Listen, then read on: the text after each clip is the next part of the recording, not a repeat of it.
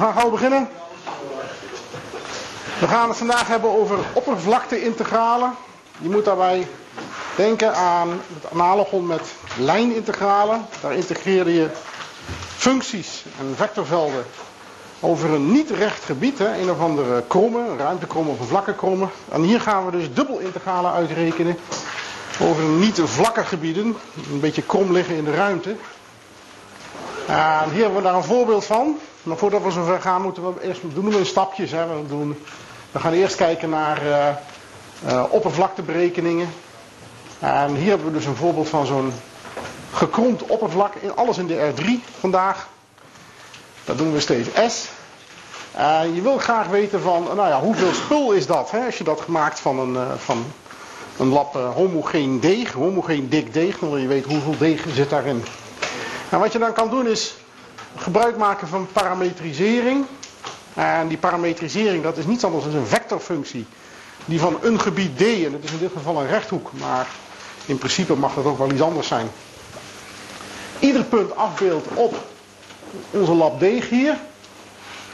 En de, de truc is ook dat het een gladde parametrisering moet zijn. Uh, om, omdat we straks die dingen moeten gaan differentiëren en zo. Maar in principe zullen we daar altijd, niet al te veel op letten. Als het niet glad is, dan is het vaak stuksgewijs glad en dan moet je een stukje hakken. Maar dit is gewoon maar het simpelste gevalletje om te onderscheiden. Wat we daarna gaan doen is het gebied D in simpele kleine stukjes hakken. Kleine blokjes, kleine rechthoekjes. En de breedte is dan delta U en de hoogte is delta V. Dit soort dingen heb je wel eens gezien. Hier heb je zo'n speciaal rechthoekje RIJ dat je er even uitgelicht hebt. Er zijn er natuurlijk een heleboel van. En verder kies je een zogeheten strooipunt. Dat wil gewoon zeggen een of ander punt in dat rechthoekje. Maar in dit geval kiezen we het linksonderhoekje hier. Dat vinden we wat prettig bij uh, bepaalde beschouwingen, zullen we zo zien. Maar in principe mag je ook wel iets anders kiezen. En wat je nu gaat doen is gaan kijken wat is het effect in S. Hè. Je gaat al die punten hier afbeelden. Dan krijg je hier ook een, een rasterpatroon.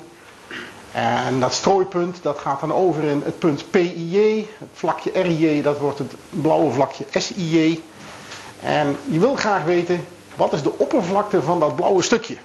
En dan gaan we straks de oppervlakte van S benaderen door de hele boel bij elkaar op te tellen. Nou, als je dat gaat bekijken, zullen we zo zien waarom dat is. Dan is de oppervlakte van dat blauwe stukje, dat wordt gegeven door deze formule. Maar dat is een lange formule, dus moet je even goed lezen wat daar staat. Daar staat de vectorfunctie r gedifferentieerd naar u. Dat partieel differentiëren, dat geven we steeds aan met zo'n index. Dus dit betekent differentiëren naar u. Dus die vectorfunctie, een functie die, die afhangt van twee parameters, maar drie componenten heeft. Kun je zowel naar u als naar v differentiëren. Dat doen we hier. We vullen die strooipunten in. In dit geval dus dat punt de coördinaten ui-ster en vj-ster. En we nemen het uitwendig product. En van die vector, dat is weer een vector in de R3, berekenen we de lengte. En we zullen zo zien dat dat iets te maken heeft met de oppervlakte van ECJ. En daarna vermenigvuldigen het bovendien nog eens een keertje met delta U en delta V. En dan krijg je een getalletje. En dat getalletje, dat is ongeveer de oppervlakte van ECJ. Een benadering natuurlijk. Maar het is een goede benadering. Nou, waarom is dat nou allemaal uh, waar wat ik net zei? Nou, laten we eerst kijken naar dat vlakje. Dat blauwe vlakje heb ik hier een beetje op ingezoomd. Hier zie je dat, uh, dat vlakje zitten. Hier zie je het punt PIJ, dat is dat strooipunt. Eigenlijk het beeld van het strooipunt. En maar wat je ook nodig hebt, dat is het volgende strooipunt. Ja, je hebt er natuurlijk niet, ze zitten niet in een rijtje, ze zitten in een rasterpatroon. Dus dit is de volgende in x-richting, of in u-richting zal ik maar zeggen. PI plus 1j. En die krijg je door bij ui sterretje, de u-coördinaat, delta u op te tellen. En je krijgt dan gewoon het volgende punt in het rooster als je naar rechts wandelt. Als je naar, naar boven wandelt, dan krijg je dit punt. En dat krijg je door bij de v-coördinaat delta v op te tellen. En zo krijg je dit hoekpunt. En dat zijn gewoon hier deze drie punten. En als je nou wil weten wat de oppervlakte van dit dingetje is, dan zou je eigenlijk iets moeten weten over de lengte van deze vectoren en de hoek die ze maken. Maar dat zijn niet zo prettige dingen om te rekenen. Maar als je gaat kijken naar, en dit heb ik bijvoorbeeld even deze, de naam P gegeven. Het verschil van deze twee punten, dat is gewoon de vector die gaat van dit punt naar dat punt. dat is dus, als je goed kijkt, dit verschil van deze twee vectoren, dan is deze vector die is bijna een partiële afgeleide. Want een partiële afgeleide zou je deze nog een keer door delta u moeten delen. En dan zie je daar een differentiequotient staan. En als je delta u dan maar klein genoeg neemt, dan is dat een partiële afgeleide. Maar dat betekent dus dat als je het, die delta u die hier niet staat, uh, toch erbij wil betrekken, dat het ongeveer delta u maal die partiële afgeleide is. Als je die naar de noemer brengt, dan zie je dat het ongeveer gelijk is. Maar die staat er niet, dus die vector p die is ongeveer dit getalletje maal deze vector. En met deze vector bedoel ik dus partiële afleiding. Alles componentsgewijs, dus precies wat hier staat. En dat allemaal in dat ene strooipunt. En deze vector die heb ik even hier getekend. En dat is de raakvector aan die blauwe kromme.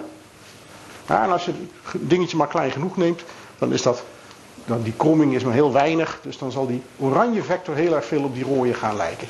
Ze zijn wel ongeveer even lang. dat, dat, dat staat hier. En ze hebben bijna dezelfde richting.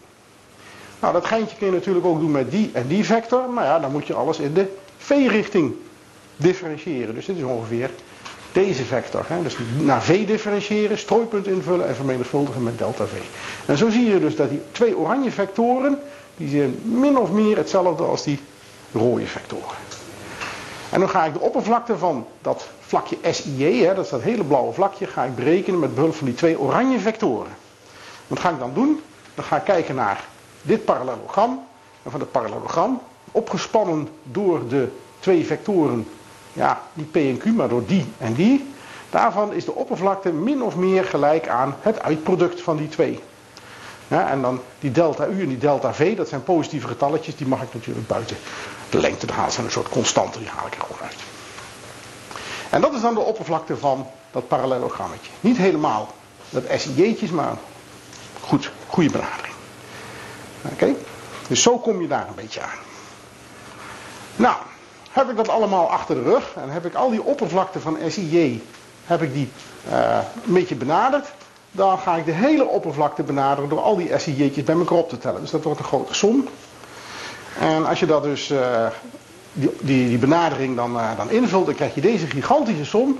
En dit, dit lijkt heel erg veel op een Riemann-som van een dubbelintegraal van een functie. Welke functie? Nou, dat is de functie die je hier min of meer ziet staan. Hè. Die u ster v e ster, dat zijn strooipunten. Die, dat zijn de functiewaarden van de functie. En welke functie heb je dan?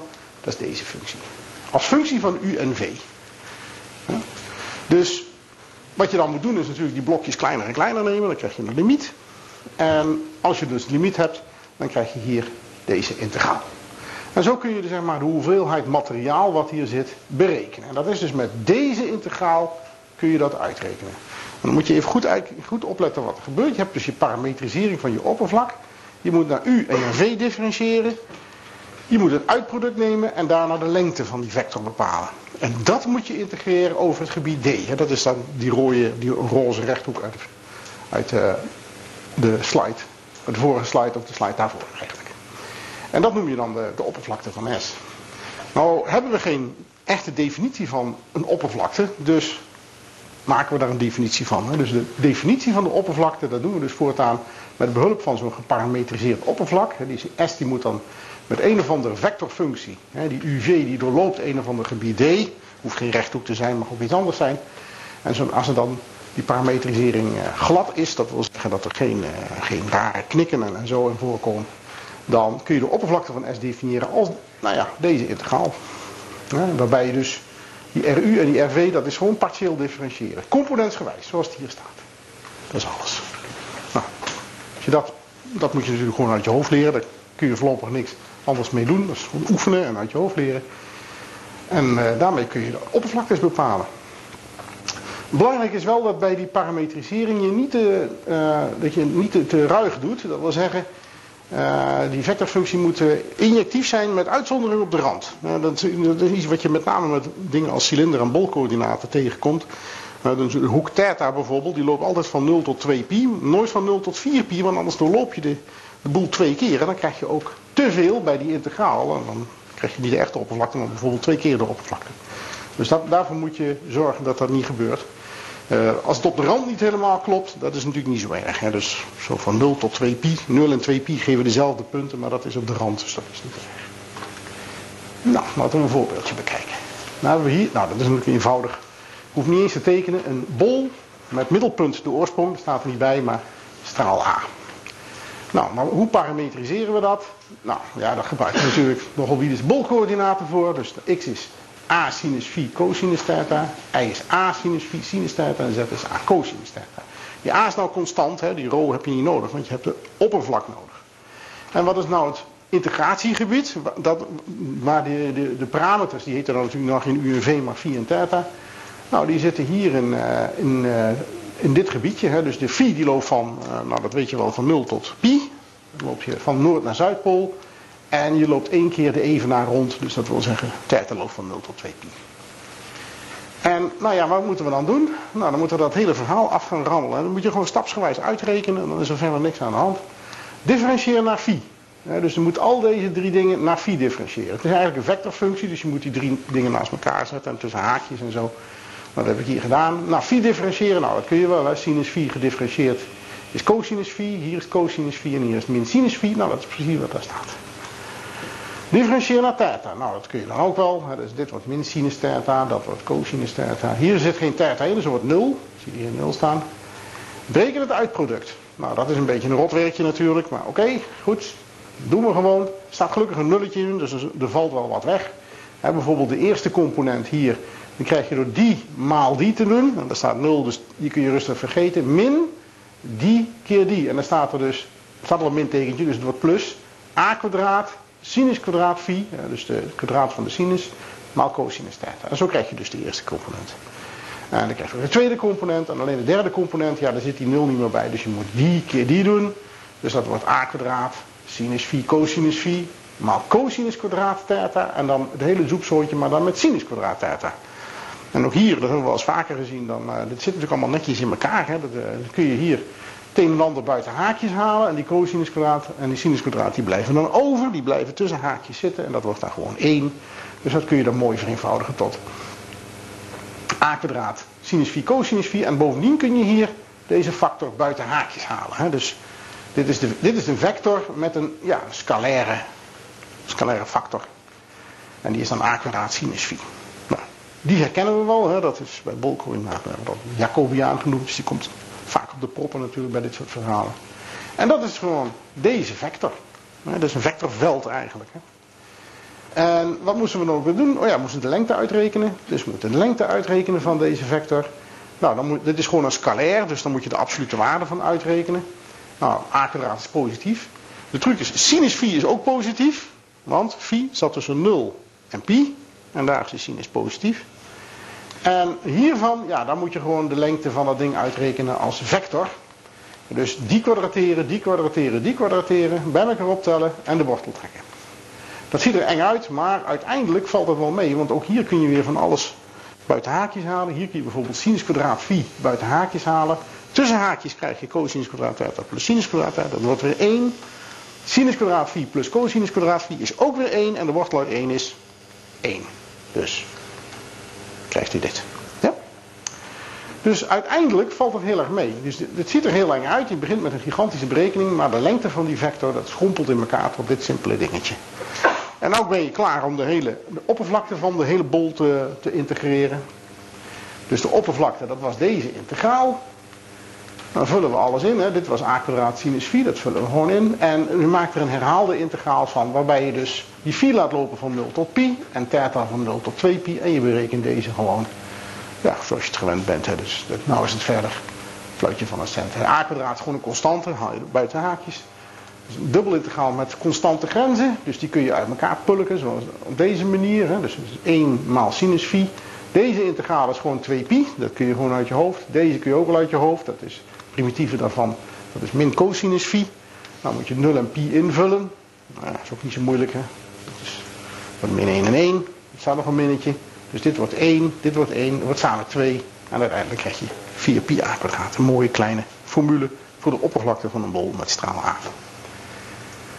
Nou, dat is uh, aardig te weten. Nou, de toepassing daarvan is het berekenen van de grafiek, de oppervlakte van de grafiek van een functie. Je hebt een functie f gedefinieerd op een domein D. Dat domein moet natuurlijk wel een beetje een mooi gebied zijn, een begrensd gebied. Uh, en dan ga je die functie, de grafiek daarvan, dat is dus een, een, een of andere uh, gewelfde oppervlak in de R3. Daarvan wil je de oppervlakte weten. En die oppervlakte die blijkt gelijk te zijn aan deze formule. En we zullen zo zien waarom dat is. Het is niet zo moeilijk. Want je gebruikt daarvoor de zogeheten voor de hand liggende parametrisering voor grafieken. Hè. Dat, je kunt hem op meerdere manieren uh, parametriseren, maar deze ligt nogal voor de hand. Hè. De x heet x-coördinaat heet x, de y-coördinaat is y en de z-coördinaat is de functiewaarde van x. Zo maak je grafieken. En die x en die y die lopen, doorlopen dan dat domein. En die, die gebruik je dan straks als integratiegebied. Dus dat zie je nu al gebeuren. Het enige is dat je natuurlijk nog die, uh, die, parametrisering en zo moet differentiëren, partieel naar x en naar y, met uitproduct rekenen. Dus dat gaan we gewoon rustig doen. Dus naar x differentiëren, nou dat is makkelijk. Hè? Dus dit wordt 1, dit wordt 0. En ja, dit, ik weet niet wat die f is natuurlijk, dus dat noteer ik dan maar gewoon zo op de welbekende manier. Partieel afgeleiden van f naar x. Ik doe hetzelfde geintje met i. Wordt dit 0, dit wordt 1 en ja, nou, dit wordt df di. Dus dat kan niet anders. En uh, dan gaan we het uitproduct uitrekenen. Is ook niet zo moeilijk. Let even op dat in de handout staat nog y en x verwisseld. Maar dat is natuurlijk niet goed. Hè. Als je het uitproduct uitrekent. Het eerste component is die maal die. Dat is 0 min 1 keer df dx. Dus dat moet die zijn. Die andere dat is die. En tenslotte hou je over die maal die min 0 keer 0. Dus dat is 1. En je krijgt deze vector. Ja? Um, de lengte daarvan, ja, nou ja, goed, daar kun je niet veel anders van maken dan dit natuurlijk, want je weet niet wat f is. En dat vul je dan gewoon in en daar zie je hem al staan. Dus dan, daarmee is het, ja, het is net iets te veel woorden voor een stelling, want je kunt hem altijd weer zo afleiden. Nou, laten we dat eens even ook aan de hand van een voorbeeld zien. We gaan kijken naar een paraboloïde. Paraboloïde, gegeven door deze, nou, dit functievoorschrift eigenlijk. Hè, fx is x kwadraat plus y kwadraat. En alles wat onder het vlakke z is 9 ligt. Nou, dan heb ik hier, het plaatje staat ook in het boek. Je moet natuurlijk bedenken dat als, als x kwadraat plus y kwadraat, hè, dus z kleiner gelijk 9 is, dat je hier eigenlijk het voorschrift krijgt voor het domein. Nou, dat is gewoon een cirkel met straal 3. Nou, die zie je ook hier zitten. En dat oppervlak S, dat moet je dus dan in dit geval opvatten als de grafiek van een functie. Welke functie? Nou ja, de functie x kwadraat plus y kwadraat. En wat is het domein? Nou, dat is dat cirkelschijfje. Dus dat is deze. Nou, dan ga je dus, je kunt dus die S parametriseren, maar we hebben net een mooie stelling, dus we gaan dat wat sneller doen. We doen gewoon rekenen de partiële afleiden van f uit. f naar x differentiëren, ja, het is allemaal een fluitje van een stand natuurlijk. Dus 2x naar y differentiëren, 2y. Uh, de formule gebruiken. En je krijgt hier de wortel van 1 plus en dan moet je dus 2x kwadrateren. Dat wordt dus 4x kwadraat en hier wordt 4y kwadraat. Ik heb hier de 4 even buiten haakjes gehaald. Want ik vind het altijd wel prettig als er x kwadraat plus y kwadraat bij elkaar staan. En het integratiegebied d is rond. Want dan moet je op dat moment natuurlijk onmiddellijk op het idee komen om poolcoördinaten te gaan gebruiken. Dat is precies wat we gaan doen. Hier zijn de poolcoördinaten. Uh, de berekening, nou dat is op zich een vrije recht toe recht aan berekening. Je gaat over op poolcoördinaten. Dus het gebied D, dat is een cirkeltje. R loopt van 0 tot 3. Let op dat, je, dat de straal van de cirkel 3 is. Theta loopt één keer de cirkel rond, dus het loopt van 0 tot 2 pi. De Jacobiaan niet vergeten, die moet hier nou wel gebruikt worden, want deze integraal is een gewone Cartesische integraal met Cartesische coördinaten. Dus als je overgaat de poolcoördinaten, komt er die Jacobianen. En hier staat gewoon 4 r Dus je krijgt deze integraal. Maar je ziet ook meteen hoe je dat moet oplossen. Hè. Die staat de wortel van iets en van dat iets, die 1 plus 4 r kwadraat, vind je zo min of meer de afgeleide. Hè, dat is dus 8 eh, maar op een constante na staat, staat dat hier ook. Hè. Dus dat kun je dan weer uh, met substitutie, bijvoorbeeld die van u is 1 plus 4 r kwadraat, kun je substitueren. Maar daar ben je onderhand van gewend van mij. Ik ben te lui om die substitutie op te schrijven, dus ik gebruik de slordige notatie. Ik gebruik de d van deze uitdrukking. Hè, dat als je die gaat differentiëren, dan krijg je 8r maal dr. Dat is bijna dit. Dus ik moet hier nog Even die acht, de nek omdraaien met een achtste. En ik, ik uh, haal die integraal ook wel meteen uit elkaar. Hè, want dit is, ja, er zitten geen theta's in en het is allemaal constante grenzen. Dus je kunt meteen deze integraal tevoren halen. Dat wordt 2 pi. Dus dan ben je daar vanaf. De tweede regel zie je dat ik de achtste er ook voor haal. Dan ben ik daar ook vanaf. En dan moet ik deze, deze integraal, die moet ik... Uh, uh, verder uitwerken. Dus ik heb hier nog verder niks uitgewerkt. Maar hier is de primitieve van die functie. Dat is dus 1 plus 4 r kwadraat tot de macht 3 tweede. dus moet ik 1 bij de exponent optellen. Maar dat is natuurlijk niet helemaal goed. Als ik ga differentiëren, dan komt er een 3 tweede voor. Dus vandaar dat er een 2 derde bij staat. Nou ja, 0 invullen, 3 invullen. Er komen wel een beetje maffe getalletjes uit. Maar daar moet je verder niks van aantrekken. Je krijgt gewoon deze, dit resultaat. Ja? Nou, gaan we zelf proberen.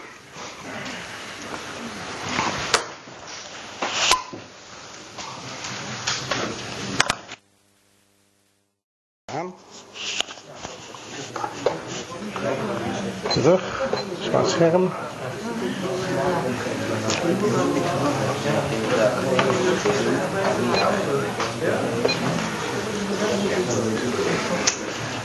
we gaan uh, een stapje verder.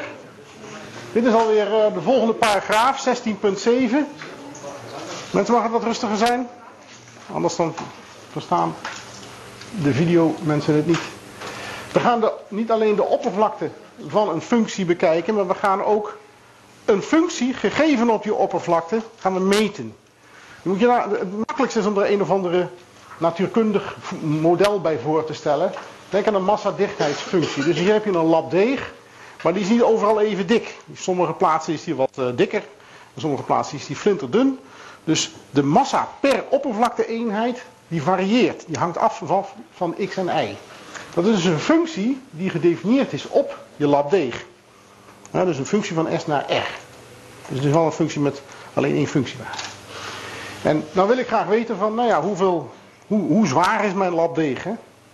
Nou, het idee is eigenlijk hetzelfde als met een oppervlaktebepaling. In, in wezen hetzelfde idee. Je gaat weer parametriseren. S parametriseren. Je gaat de boel weer in kleine stukjes hakken. Je gaat weer strooipuntjes maken. Dan ga je dus ook weer vlakjes en dat levert allemaal weer vlakjes op op je lapje deeg. En wat je nou moet weten is niet de oppervlakte van zo'n blauw vlakje, maar de massa. En die krijg je gewoon eenvoudig weg door het hele verhaal wat je net had hier te vermenigvuldigen met de functiewaarde. In het strooipunt. Hè, dus in het punt PIJ sterretje. hier is het, uh, het strooipunt is niet meer dat linker onderhoekje. Maar dat is ook niet meer nodig, want we weten nou toch wel wat eruit gaat komen. Want je moet nou dit dus dit, dit, dit, eh, de enorme uitdrukking, die moet je nou allemaal bij elkaar optellen. Dus dat wordt dan deze som. en het enige verschil met de som die we ervoor hadden, het ziet er heel erg indrukwekkend uit, maar dat is alleen maar dit. Dat wordt alleen maar vermenigvuldigd met deze functiewaarde. Maar goed, het idee is nou hopelijk duidelijk. Je gaat de vlakjes kleiner en kleiner maken. Je vat de som op als een Riemannsom, als een dubbel Riemannsom. En dan krijg je er uiteraard een, dubbel integraal uit. En die dubbel integraal, dat is nou, nou, je kunt het nou zien, die wordt nou, ja, is bijna hetzelfde, alleen komt er een extra factor bij, namelijk de functiewaarde in het strooipunt. Maar dan moet je dus wel parametriseren. Hè. Je moet hier de, de, de vector uh, R moet je invullen. RUV, hier is die, die R is een beetje, die moet eigenlijk, dat moet een dik gedrukte R zijn. Hè. er is een typfoutje gemaakt. Maar hier staat hij weer goed. Ja, dus dit ziet er uh, heel eng uit, maar het is in wezen hetzelfde. Het enige wat er nou bij komt is deze. En voor de rest gaat het allemaal hetzelfde. Dus uh, dat heeft dan ook een naam. Dat noemen we de oppervlakteintegraal van een functie over S. En dit noteren we zo. Met een ds. Hè, dus uh, dat ziet er wat raar uit, want het oppervlak zelf heet ook S. Dus, maar dan moet je maar even aan wennen. En wat het betekent is wat hierachter staat. En zo reken je ze steeds uit. Als je ze wil uitrekenen, heb je dus ook steeds een parametrisering nodig. Dat kan niet anders. Nou, is een symbolische notatie, zoals gezegd. En je zou dat kunnen onthouden door te zeggen, ds dat is eigenlijk RU maal RV, maal dat betekent uitproduct. En dan de lengte van dA. Dus als je dat onthoudt, dan kun je al die formules makkelijk weer terug herleiden. Nou, oppervlakte zelf kun je natuurlijk dan heel makkelijk opvatten. Ook als een oppervlakte-integraal van een functie. Welke functie? is de functie 1. En als je constant 1 is. Dus een, zeg maar een uniforme plakdeeg van een homogene tik. Nou, voorbeeldjes. Nou, laten we hetzelfde voorbeeld als we net hadden. Dus weer een bol. Met, niet met straal A, maar straal 1. Maar nu integreren we de functie x kwadraat daarover. Je moet bedenken dat of, je hebt een of andere functie en uh, ja, dus uh, zeg maar, als, uh, als ik in de, in de buurt van, van het IZ-vlak zit, dan is x lekker klein. En dan, dan is de, de, de, bol heel dun. Als je hem opvat als een lap deeg. En als x in de buurt van 1 is, dan wordt die, die lap deeg dikker en dikker. En je wil weten hoe zwaar is dat. Nou ja, het principe is hetzelfde. We gaan gewoon ook weer hetzelfde, dezelfde parametrisering gebruiken. Bolcoördinaten, we gaan dat natuurlijk niet allemaal nog een keer overdoen. Dus uh, we weten al wat er uitkomt. Hè? Dus uit die, uh, uit die, uit die, lengte van die, van die vector uh, R, R4 mal R is a kwadraat sinus phi, maar a is hier 1. Dus het wordt nog makkelijker als net. Dus gewoon sinus phi. En deze dubbelintegraal, de integraal van de functie x kwadraat over het oppervlak S, is dus deze dubbelintegraal over d. Merk op dat hier de, de f van x in de parametrisering, hè, de parametrisering x is sinus phi cosinus theta heb ik hier ingevuld. Nou, die, x daar moet je vanaf, dan moeten dingen worden met theta's en phi's. En hier staat de, uh, dit dingetje hier, hè, die heb ik nou vervangen door sinus. Nou, dan ga je gewoon deze integraal uitrekenen. Nou kun je eigenlijk alles vergeten wat je, wat je net hier hebt opgesteld. Die moet je nou concentreren op deze integraal. Nou ja, dit is natuurlijk niet zo moeilijk, want dit is weer een rechthoekig gebied. Dus dat kun je gewoon netjes uitschrijven. Nou, je kan hem er weer splitsen. In twee stukken hakken. Op deze manier. Uh, hier heb je een verdubbelingsformule voor nodig. Dat is met uh, cosinus 2 theta. En hier, hier moet je bedenken dat sinus phi gelijk is aan 1 min cosinus kwadraat phi maal sinus phi. Hè? Dat is op deze manier. 1 min cosinus kwadraat phi maal uh, sinus phi. En die sinus phi die heb ik over de d heen geschoven. Dus dat wordt een cosinus. Scheelt een mintekentje, maar ja, dat corrigeer ik dan. Nou, hier heb ik dus die verdubbelingsformule op losgelaten. Nou, dan ga je dit met substitutie kun je dit ook doen. En je kan hier zeggen van, nou oké, substitueer sinus 4 is u of zo. Maar ja, goed. Dit gaat wat makkelijker. Hè? Dit wordt gewoon cosinus phi min een derde cosinus phi tot de derde. Ja, deze kun je ook makkelijk primitiveren. Op deze manier. Dus dat wordt een half theta plus een kwart sinus 2 theta. Dan komt een extra tweetje in de noemer hier vanwege de kettingregel. Dat heb je in de onderhand wel gewend. En dan vul je al die waarden in. En dan moet je wat rekenen natuurlijk. Dat is verder niet, niet erg interessant, maar daar komt 4 derde pi uit. Maar het gaat erom dat je in staat bent om, gegeven deze integraal, te snappen wat er bedoeld wordt. Je moet dat via, in dit geval via een parametrisering. Een parametrisering moet je kunnen opstellen. Nou, in dit geval is het nogal voor de hand tegen om een bolcoördinaat te gebruiken. Het oppervlak zelf is een bol. En daarna moet je natuurlijk weten wat het, dat die integraal betekent. Hè? Dat je dit ding moet uitrekenen en hier erin moet stoppen. En uh, nou ja, et cetera. Hier een wat ingewikkelder voorbeeld. Hier hebben we een oppervlak. We hebben een oppervlakte-integraal. Het gebied, of de oppervlak S bestaat uit drie stukken. Dus eigenlijk de, de, de rand van een, uh, van, een, van een lichaam. Wat je krijgt door uh, uit een, ja, een, een, cilinder twee stukken te snijden. Je pakt gewoon een worst en dan snij je gewoon een recht en een keer schuin. En dan krijg je zo'n stukje worst. En de rand van dat hele gebied, dat noem je S. En dat is dus in drie stukjes te delen. Dat kan niet anders, want het is natuurlijk niet glad, er zitten, knikken in. Dus die moet je in drie stukken delen, namelijk de bodem S2, de zijwand die noemen we S1 en dat schuine stuk hier, dat is een ellips, dat noem je S3. En dat schuine stuk dat wordt gegeven door een vlak. En de vergelijking van vlak is Z plus, Z is 1 plus x. Zo kun je dat dan tekenen. En uh, moet je dus die integraal uitrekenen. Gewoon weg door voor alle drie uit te rekenen. Dus dat is een beetje een vervelend klusje. Uh, de, de, we doen eerst even de zijwand. Dus uh, dat is S1. Dat is een stuk van de cilinder. En daarvoor gebruik je dan nou ja, drie graden cilindercoördinaten. Dus x is cosinus theta, y is sinus theta, dat stralen er. Dus. En z, ja die is gewoon z, die blijft z. En je houdt dus twee parameters over, dat zijn die hoek theta en de variabele z, de hoogte. En de truc is in dit geval dat je niet vaste coördinaten hebt, want hoe hoog je moet gaan, dat hangt er een beetje vanaf waar je zit op de cirkel. Als je hier gaat, ja, dan moet je maar een heel klein beetje omhoog. Maar als je hier, dan moet je helemaal uh, tot daar. Dus de, de grens daar, die hangt af van theta. Maar dat is niet zo moeilijk om af te leiden, want punten op deze ellips die worden gegeven door de, door de, door de vergelijking z is 1 plus x. Dan zit je op het vlak.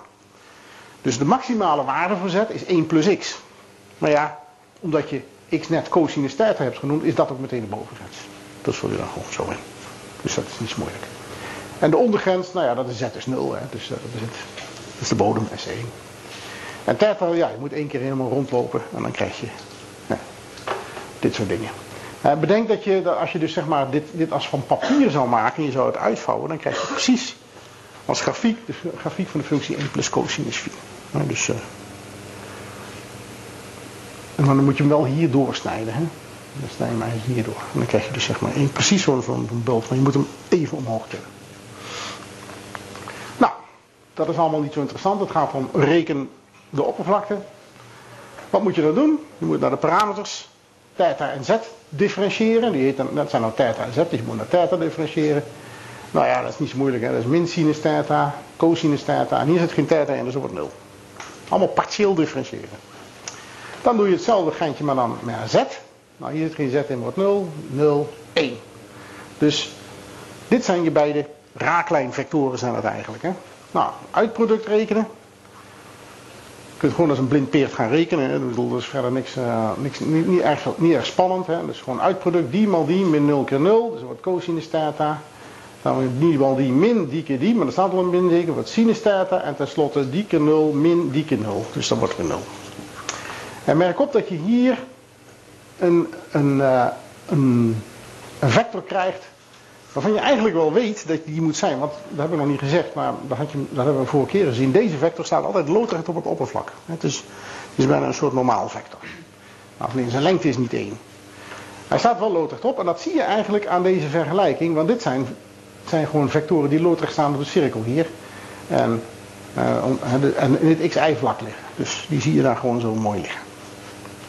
Oké, verder niet interessant. Uitproduct hebben we uitgerekend. Lengte ervan. Nou ja, componenten kwadrateren, lengtes eh, en dan optellen.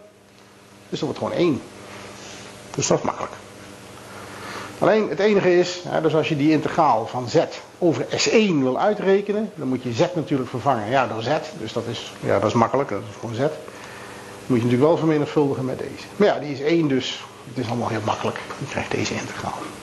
Je moet hier z primitiveren, een half z kwadraat moet natuurlijk 1 plus cosinus theta invullen in z kwadraat. Dan wordt het een beetje vervelend.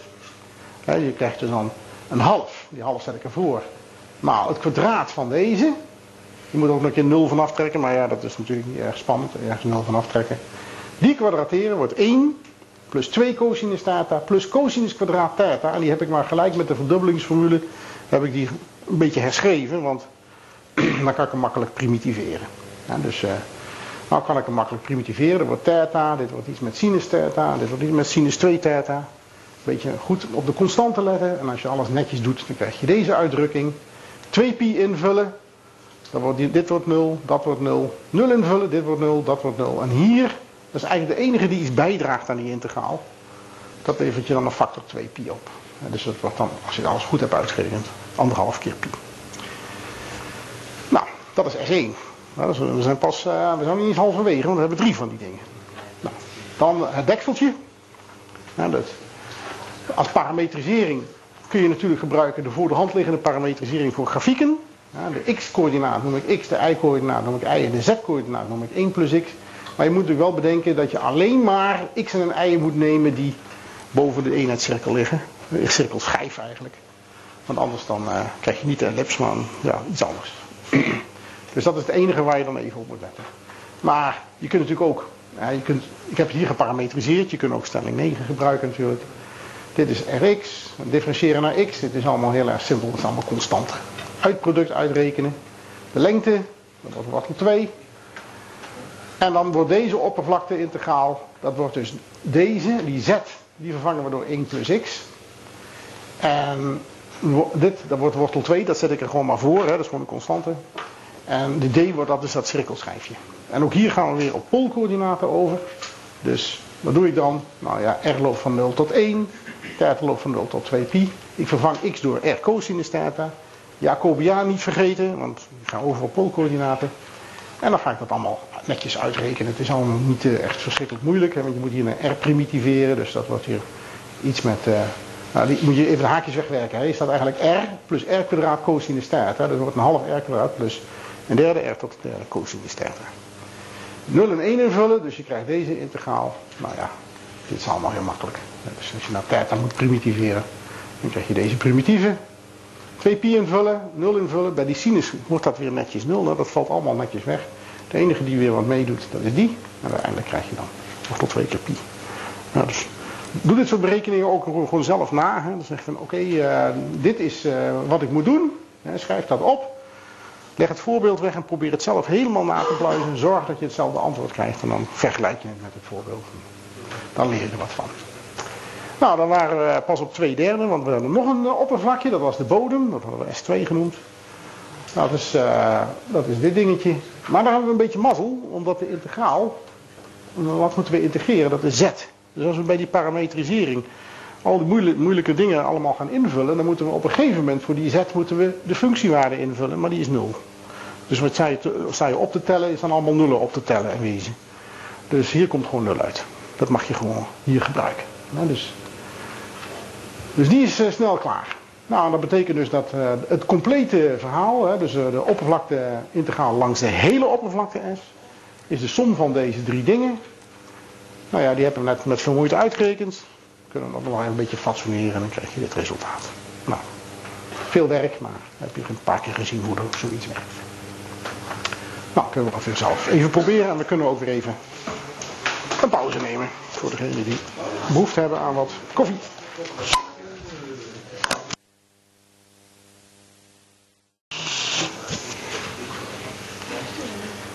Uh, even kijken, licht. Laatste stuk, en nou wordt het moeilijk. Want functies, dat zijn makkelijke dingen, dat zijn gewoon getalletjes. Hè? Die zijn, je kunt dat zien als een soort verdeling van functiewaarden, zo'n soort temperatuur of massadichtheid. Getalletjes die je aan ieder punt toevoegt. Maar nu gaan wij vectorvelden integreren. En dat zijn pijltjes. Maar die pijltjes hebben niet alleen een lengte, maar ook een richting. Dus daar moet je iets mee doen. Voordat we dat gaan doen, gaan we eerst hebben over zogeheten normaalveld. En wat je dan eigenlijk hebt is het volgende. Een normaalveld, dat is een vectorveld. Op een normaalveld op een oppervlak S. Dan moet je dan wel, dit is S. Dat is een vectorveld waarbij je dus in ieder punt een pijltje tekent van het normaalveld. En die staat loodrecht op S. Loodrecht op S bedoel ik eigenlijk loodrecht op het raakvlak aan dat punt. Verder moeten ze lengte 1 hebben. Dat, is, dat eis ik ook. Nou, hier heb ik gewoon wat pijltjes getekend. Bij Stuart staan ze allemaal netjes naar boven of naar onder, maar dat hoeft in principe niet. Nou, ik kan gewoon wat, uh, wat pijltjes in. Zolang ze maar uh, loodrecht op S staan, vind ik het wel prima. Het uh, betekent wel dat je altijd twee keuzes hebt. Nou, je kunt altijd naar boven of naar onderen. En dat is, dat is meteen de complicatie van het hele verhaal, want je moet die keuze op een gegeven moment gaan maken. Nou, zoals ik al zei, je kunt dus pijltjes in willekeurige richtingen laten wijzen, maar het is een beetje, een beetje onhandig om dat te doen, blijkt bij berekeningen. Want hier zie je dat er op een gegeven moment rare sprongetjes plaatsvinden. Als je hier naar een beetje naar rechts gaat, dan misschien moet je dan nog meer van die pijltjes tekenen. En dan hier teken je wat van die pijltjes. Op een gegeven moment eh, verander je plotseling van richting. En dat betekent dat het normaalveld dan in dit geval niet continu is. Dat willen we eigenlijk niet. Wat we gaan doen, dat is gaan kijken naar zogeheten oriënteerbare oppervlakten. Oppervlakken. En dat zijn oppervlakken waarop in ieder geval een normaal continu, een, continu normaalveld te definiëren is. En dat betekent dus dat je als je je oppervlak hebt, heb je eenmaal zo'n ennetje gekozen, dan moet die daarnaast ook naar boven wijzen. En op die manier, als je dus langzaam naar rechts reist op dat oppervlak, dan zie je dus dat op een gegeven moment al die, vlak, al die dingetjes naar boven gaan wijzen. En dat is voor dit soort pannenkoekvormige dingetjes, kan je niet zoveel anders dan, nou ja, heb je ze eenmaal naar boven gekozen, e-, eentje naar boven gekozen, moeten ze allemaal naar boven kiezen. Want zodra je er eentje naar onder kiest, dan kun je, kun je, moet je natuurlijk bewijzen, maar uh, als je daar een beetje over nadenkt, dan zie je dat er ergens een pijltje vlak naast een ander pijltje moet zitten dat compleet de andere kant op gaat. Dat is niet meer continu. En dat wil ik eigenlijk. Kies ik één keer een pijltje naar beneden, wat natuurlijk op zich ook kan, ja, dan blijken ze allemaal naar beneden te wijzen.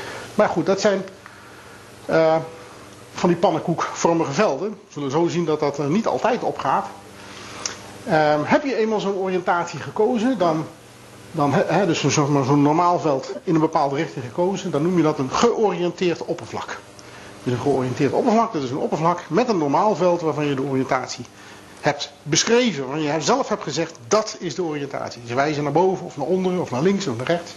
Naar buiten of naar binnen. Whatever. Is een oppervlak gesloten, de rand van een, van een gebied, denk maar aan een bol of iets dergelijks. Uh, of in het vorige voorbeeld, dat was een plakje borst, dan, dat was een gesloten oppervlak, dat bestond uit drie dingetjes. Maar dat was de rand van een gebied in de R3. Dan spreken we af dat de oriëntatie altijd naar buiten is gericht. Dat de pijltjes altijd naar buiten wijzen. Nou, je mag ze wel naar binnen laten wijzen, maar dan moet je dus bij het integreerwerk straks allemaal minnetjes bij gaan zetten. Wijzen naar buiten noemen we dat positief georiënteerd. Nou, even over niet oriënteerbare oppervlakken. Bestaan die dingen dan? Ja, die bestaan er. En uh, dit is een uh, berucht voorbeeld, een beroemd voorbeeld, is de Möbiusband. Die krijg je gewoon door een strookje papier te nemen en daar een ring van te maken. Maar voordat je dat doet, moet je er even een, moet je hem een halve slag draaien. En uh, dat, zie je dus hier hopelijk gesuggereerd. En dit oppervlak is niet oriënteerbaar.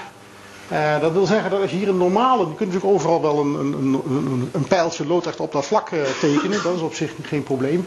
Maar als je eenmaal hier een pijltje hebt gekozen, dan moet je daarnaast, moet je dat pijltje hier dan ook naar buiten kiezen, want anders dan is het niet meer continu. En zo ga je maar door, en dan zie je dus dat dat pijltje, nou eigenlijk moet je hier beginnen, dus misschien nog beter. En dan ga je hier naar buiten wijzen en hier gebeurt er dus iets merkwaardigs, gaan al die pijltjes naar binnen draaien. En als je maar lang genoeg doorgaat, kom je op een gegeven moment in een punt waarin een pijltje tegen een ander pijltje aan ligt. Compleet de andere kant op. En dat kun je niet uh, repareren. Je kunt niet zeggen van nou dan ga ik gewoon een beetje meer naar links beginnen. Dat helpt niks. Uh, dat, uh, bij de Möbiusband.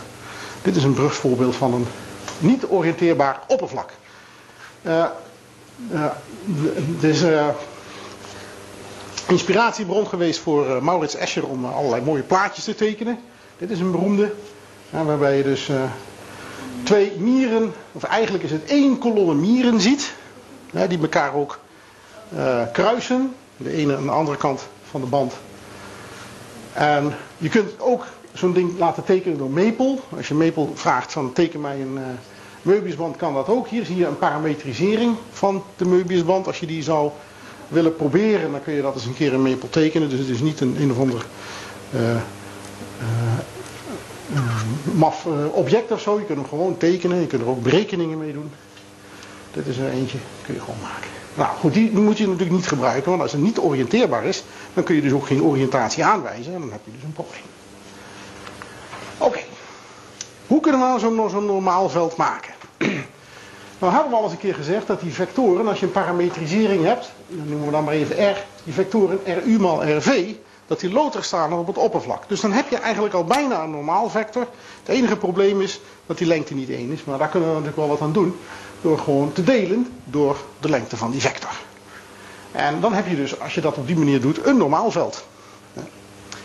En uh, dat is uh, op zich prima natuurlijk, maar je hebt er twee. Dus het feit dat je ook een normaal veld hebt met een minnetje, betekent dat je een keuze moet maken. En als je die keuze nog niet gemaakt hebt, dan zet, ik er dus vaak dit symbooltje voor, plus min.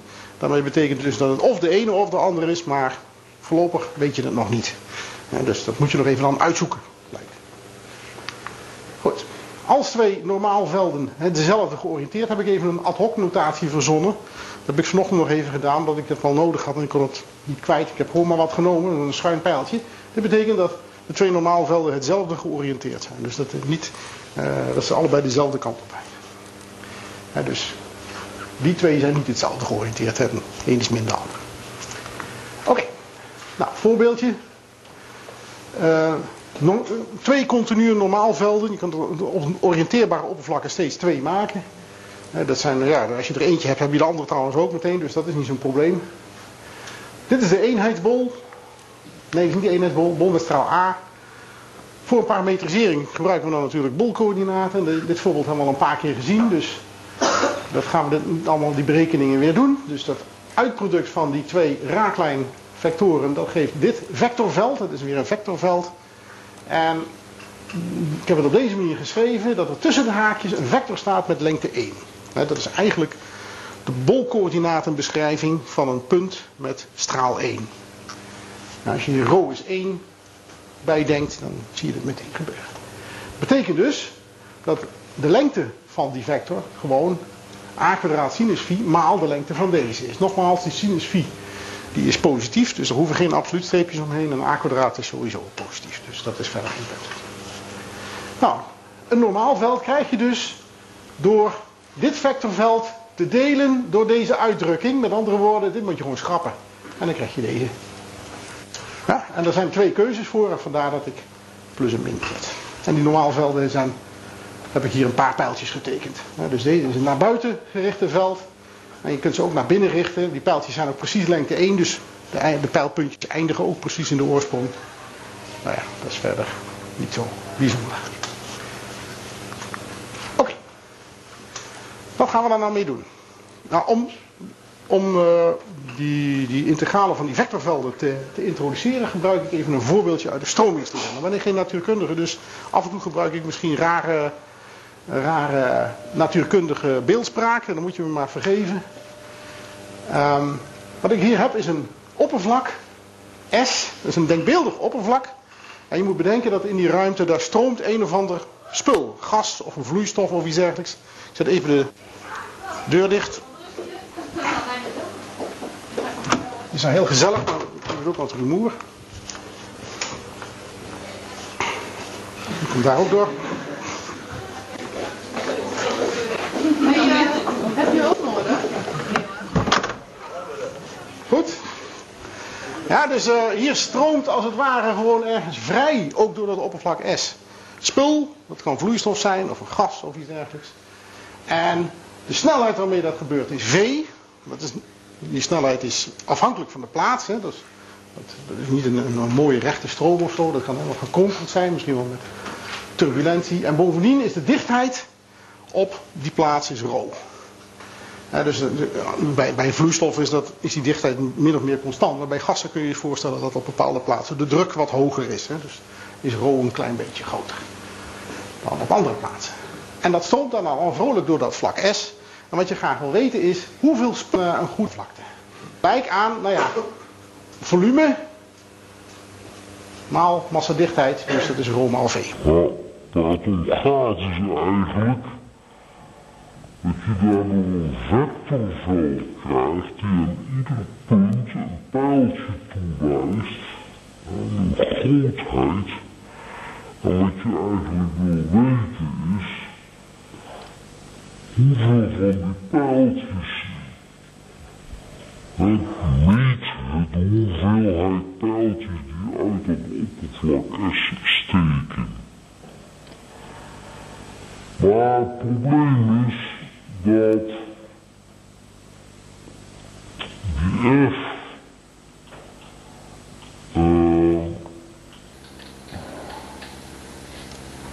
dat je die alleen maar in de loodrechte, in de, wat we noemen, de, de orthogonale richting wil weten. Dus dit is niet de bedoeling, je moet alleen maar dit weten, want alles wat die kant op stroomt, ja dat stroomt er niet echt doorheen. Hè? je zou die snelheid kunnen ontbinden in een loodrechte component, orthogonale component noemen we dat ook wel, en een component in de richting van het raakvlak.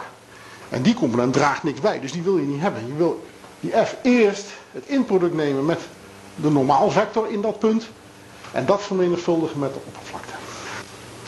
En dat wil je allemaal bij elkaar optellen. Bij elkaar optellen, dat wil zeggen integreren. Dus je wil deze integraal hebben. Integraal van deze functie. want na dat inproduct is het natuurlijk gewoon weer vrolijk een functie geworden. En dat is eigenlijk wat je wil meten. Nou, het zal natuurkundig niet helemaal goed kloppen, maar het geeft wel een beetje een idee van wat we nu vanaf nu gaan doen met, met vectorvelden. We gaan de oppervlakte-integraal van een vectorveld f over een oppervlak s definiëren als de integraal van dit inproduct met het normaalveld n. Belangrijk is wel steeds dat je erbij zegt dat dat normaal, de, wat dat normaalveld is. En dat je de oriëntatie van het normaalveld erbij geeft. Want anders dan krijg je er een maf mintekentje in wat je er niet in wil hebben. Dus dat hoort er steeds bij. Dat hoort er bij die integraal. Uh, die oppervlakte-integraal van functies heb je, daar, heb je daar geen last van, maar hier heb je daar last van. Omdat bij dat inproduct, ja dat kan natuurlijk ook negatief worden. Oké? Nou, wat je dus eigenlijk meet is niet het vectorveld zelf, maar zijn zogeheten normale component. Dat zo noemen we dat. En er is nog een andere term, en die is voor natuurkundigen wat, misschien wat bekender, zeker als het gaat om elektromagnetische velden, en dat is flux. Flux, dat betekent zoiets als stroom, stroming. En misschien een handigheidje even tussendoor. Mocht je een, een vectorveld tegenkomen waarvan alle vectoren precies aan het uh, oppervlak S raken, dus loodrecht staan op de normaal, ja, dan is die hele integraal natuurlijk 0. Want dan zijn al deze inproductjes 0. En ja, als je allemaal nulletjes met elkaar gaat op te tellen, dan is het eindresultaat natuurlijk weer steeds 0. Nou, dat is gewoon een handigheidje. Dat zullen we straks nog wel een paar keer tegenkomen. Um, voor, uh, hoe, hoe reken je die dingen nou uit? Nou, dat is nou het aardige. Voor als je hem wil uitrekenen, zo'n integraal van een vectorveld over S, dan moet je deze formule gebruiken. En die lijkt heel erg veel op de uh, formule voor uh, oppervlakte-integraal van een functie. Bij een functie stonden er hier absoluut streepjes omheen. Dan was het een gewone product van getalletjes. Maar hier staat een inproduct met deze vector. Waarbij het met plus-min weer bedoeld wordt. Dat, is het teken wat je nodig hebt om te zorgen dat je dezelfde oriëntatie krijgt als de gegeven oriëntatie. Nou, dat is dus het. Uh, hoe, bewijs je zoiets? Dat gaat heel snel hoor. Ik bedoel, uh, dat, is, dat allemaal ver voor de hand liggend. We hadden net gezien dat dit het normaalveld is. Je moet hier dan wel een teken kiezen. Dat weet ik natuurlijk niet, dus ik zet daar maar even plus min. En als je dus deze integraal van deze functie wil uitrekenen, dan vul je gewoon. Hier heb je het vectorveld, dan neem je het inproduct met deze. Uh, sorry, met, met, met deze. Nee, sorry, dit moet eruit. Ik ben eventjes in de war. opnieuw. Deze moeten we even uitrekenen. Het uitrekenen van vectorveld langs oppervlak S. Dit is de functie, dus dat gaan we invullen. F, en dit is het normaalveld. Maar dat moeten we dan wel doen over, hè, als, als functie van, over de oppervlak S. Dat is de oppervlakte-integraal van de functie. Nou, hoe moet je dat doen? Dan moet je hier nog eens een keer deze eh, factor erbij zetten. Zo moet je dat doen. En het aardige is natuurlijk dat die twee tegen elkaar wegvallen. En wat je dan overhoudt, hè, dat zijn gewoon scalairen, is dit, deze vector. En dan krijg je dus precies het gewenste resultaat. En dat is een hele belangrijke formule, want zo reken je die dingen uit. En niet zo, zoals het hier staat. Maar zo. Want bij deze hoef je de lengte van de vector niet uit te rekenen. Dat is een voordeel. Geen A staan? Uh, waar moet een A staan? De onderste? Ja, dat is... Mm, nee, moet een S staan. Ja, want het is een oppervlakte-integraal. Uh, nee, er moet een A staan, heb je gelijk. Het is over D. Hè? Dus hier moet ook een A staan. Oké. Heel klein. Belangrijk is, dit, dit, dit is misschien wel het belangrijkste punt van het hele verhaal. Dat is dat je niet het normaalveld gebruikt. Dit is niet het normaalveld. Het normaalveld bestaat uit vectoren met lengte 1. Deze hebben niet noodzakelijk lengte 1. Die zijn misschien wel een andere lengte. Dat normaalveld heb je helemaal niet nodig. Wat je vaak ziet gebeuren is dat mensen hier zeggen van ah, het is een vlak, dus ik weet al wat een normaal is. Hè, dat is 001 of 131. En die gaan hier vrolijk dat normaal dan hier invullen. Maar dat moet je dus niet doen. De enige manier waarop je deze kan uitrekenen is met behulp van parametrisering van het oppervlak. Dat moet je dus steeds doen. Ook al weet je wat een normaalveld is. Denk maar aan een bol. We hebben net gezien wat het normaalveld is. Je kunt ook zeggen van ja, uh, ik weet wat het normaalveld is, maar dat is niet wat hier staat. Er is maar één uitzondering en dat is als je weet dat het vectorveld loodrecht staat op het normaalveld. Dus als het raakt aan het vlak zelf, hebben we net gezien, dan is die integraal 0. En dan hoef je dus niet te parametriseren. Dat is het enige geval waarin je dus op werk kunt bescharen. Nou, laten we hier uh, dit voorbeeldje bekijken. Dit is de flux. Er wordt gevraagd de flux van dit vectorveld, zix, hè, hier hebben ze dus de x naar voren naar achteren geschoven. Dat levert allemaal rare maffe pijltjes op, op het boloppervlak. Door de eenheidsbol. Nou, wat gaan we dan doen? We gaan al die stapjes die je dus moet doen om deze jongen te berekenen, gaan we nu gewoon doen. dus we beginnen met een parametrisering te maken. Dat is, nou ja, drie keer raden bolcoördinaten, daar staan ze weer. Je berekent dit uitproduct. Nou, dat hebben we al een paar keer gedaan, dus dat schrijven we dan zomaar weer op. En we hoeven nou geen lengte te berekenen. Dat doen we dus ook niet. We gaan, uh, we gaan dat, de, dat inproduct nemen met het vectorveld. Voordat je dat gaat doen, moeten we allemaal even kijken of de oriëntatie goed is. Nou, dat kun je op diverse manieren doen. Je kunt een, speciale waarde invullen. Je zegt, nou, 4 is 0, theta is 0. Kijk welke vector dit oplevert. Wijst die naar binnen of naar buiten? Wijst die naar buiten, dan is het goed. Wijst die naar binnen, dan moet je dus er nog een min voor zetten. Maar goed, hij is naar buiten gericht, dus geen minnetje. Ja, dus ik heb hier die notatie maar even gebruikt. de, de oriëntatie van het gevraagde vectorveld hè, naar buiten, het is een gesloten oppervlak, is plus. Nou, ons eigen vectorveld is ook plus, dus we hoeven geen tekentje te doen. Nou, het vectorveld zelf, daar moeten we wel die parametrisering invullen. Dus we moeten x vervangen door, nou ja, uh, sinus phi, cosinus theta en door sinus phi, sinus theta enzovoort. En dan, je ziet het ook staan, hier staat x, hier staat y, hier staat, nee, sorry, x en z. Dan gaan we dat inproduct uitrekenen. De allemaal kleine stapjes die je moet doen. Dus je weet welke stapjes je moet doen, is er allemaal niks aan. Gewoon inproduct uitrekenen van deze jongen met die jongen. Wordt een lange uitdrukking, maar uiteindelijk krijg je door dit uit. Veel verder kom je niet. Dit is het beste wat je kan bereiken. Nou, en dan ga je dus deze integraal uitrekenen. En, nou ja, goed, dat wordt dus dit. Nou, veel meer uh, kan ik er niet van vertellen, behalve dan dat het een beetje een rotwerkje is om het te doen. Je kunt die integraal splitsen in twee integralen. De integraal over van deze integrant en van deze. En die kun je dan weer zelf met de productregel aan. Dus dan krijg je de integraal van cosinus theta d theta, maar een integraal met sinusjes. Uh, sorry, fietjes, d phi. En die andere ook. Ja, en die moet je dan één voor één berekenen. Deze, die is 0. Ja, dat, dat zie je direct van de primitieve ervan is een sinus. Dan moet je 0 en 2 pi invullen. Nou ja, dan komt er weer 0 uit. Dus die valt helemaal weg. Dus die hoef je niet uit te rekenen. Maar die wel.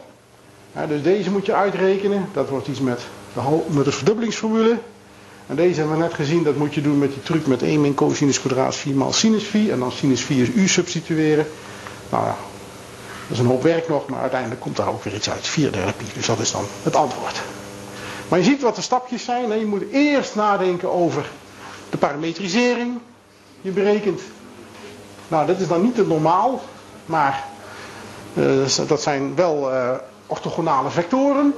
Je moet nadenken of de oriëntatie klopt. Moet je een plusje of een minnetje doen.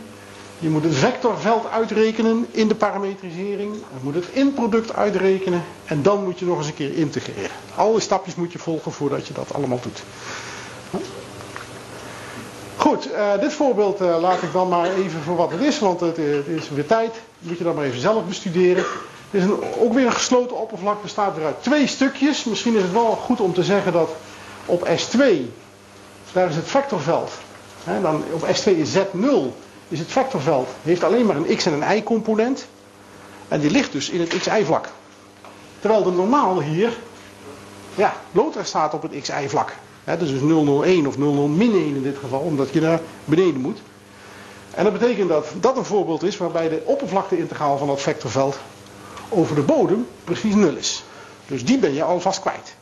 Maar de oppervlakteintegraal over S1 die is natuurlijk niet 0 en die moet je dan met veel moeite uitrekenen. Nou, dan moet je dan zelf maar even thuis bestuderen hoe dat in zijn werk gaat. Dit voorbeeld staat natuurlijk ook gewoon in het boek van Stuart. Oké, dat was het voor vandaag.